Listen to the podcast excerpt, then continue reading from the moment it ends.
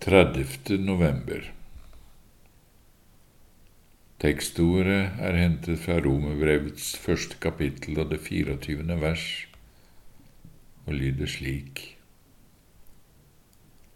Derfor overga også Gud dem i deres hjertes lyster til urenhet. Rosenius skriver her hører vi hva Gud gjør med dem som ikke følger det lys Han har gitt dem.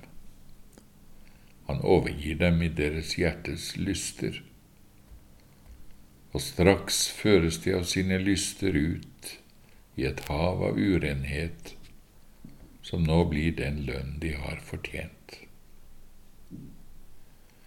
Gud fristes ikke av det onde, og selv frister han ingen. Men ondskapens makt i mennesket er så stor at hvis bare Gud overlater det til seg selv, raser det øyeblikkelig ut i all slags synd og skam. Gjennom syndefallet ble menneskets natur fylt av den gamle slangens gift, av den synd og all slags ondskap. Akkurat som en flodbølge arbeider seg innover landet, eller en vannåre bryter opp og flommer utover, trenger denne ondskapen seg på og påvirker hjertets tanker, lyster og begjær. Herren klaget tidlig over at menneskets ondskap var stor på jorden, og at hver hensikt i menneskets hjertes tanker bare var ond hele dagen. Og Kristus sier, fra hjertet kommer onde tanker, mord, ekteskapsbrudd, hor, tyveri, falskt vitnesbyrd, bespottelser osv. Hvis ikke Gud i sin allmakt og mange naturlige hindringer holdt denne syndfloden tilbake, så kunne ikke noe som helst samfunn bestå. Nei, hele menneskeslekten ville gått under på grunn av den voksende ondskapen. Alle mennesker ville ganske snart komme til å ødelegge både seg selv og andre. Også der hvor nådens krefter ikke får slippe til å virke, har Gud i sin store faderomsorg for menneskeslekten lagt naturlige bremser og bånd på den ødeleggende ondskapen. Der bruker han naturlig klokskap, frykt for skam og skade, bevisstheten om hva som er best for en selv, osv. Og, og dessuten undertrykker Gud den påtrengende ondskapen og holder den tilbake med sin allmakt. Men når så menneskene forakter denne hans kjærlige vei til frelse, tramper på den, så sender han dem sin rettferdige straff. Han drar bort disse hindringene fra syndens flodbølge og overlater menneskene til seg selv og den giftige angrepet fra den onde.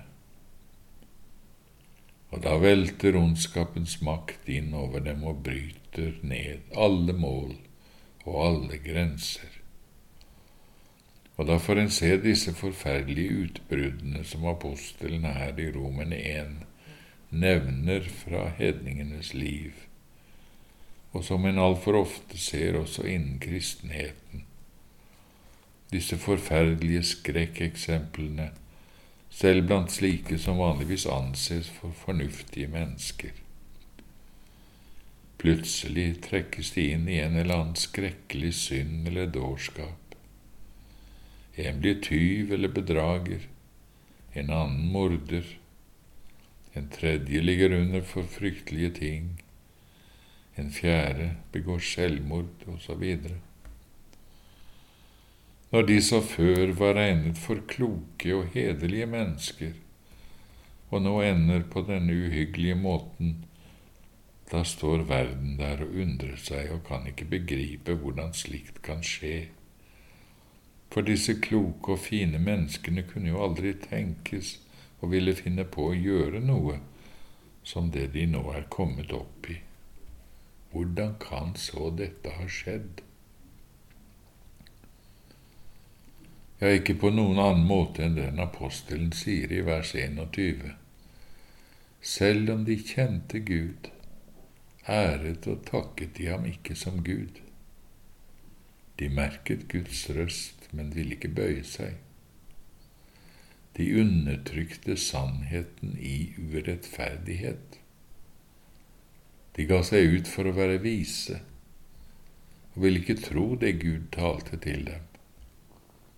Og på grunn av alt dette har så Gud overgitt dem til deres hjertes lyster, og slik er de blitt dårer og måtte hvert eneste menneske som ennå er i stand til å besinne seg, før det er for sent tenke over hva det er Herrens apostel her vil lære oss.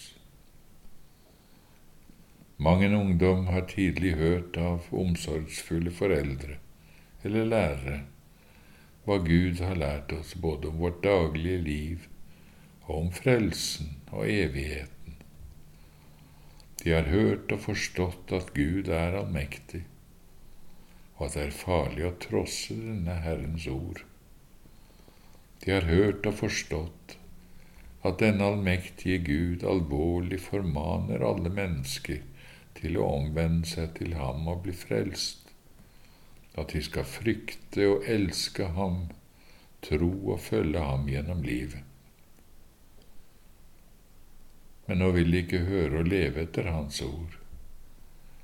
De vil heller følge sine egne lyster og verdens fristelser, og tror de nok skal passe seg så de ikke glir ut så altfor grovt, ikke synker så dypt ned i syndesluket. De tror de selv har makt til å sette nødvendige grenser i livet og holde dem.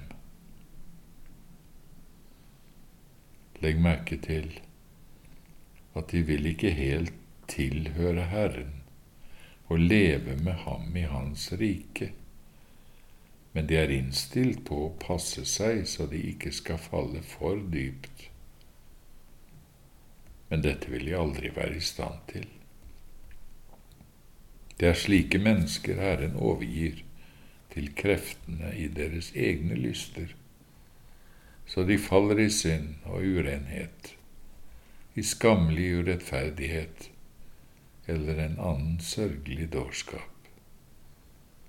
For Gud lar seg ikke spotte. Vil du ikke høre Hans ord og omvende deg helt til Ham, da hjelper det ikke med klokskap og årvåkenhet. Da må du ned i dypet.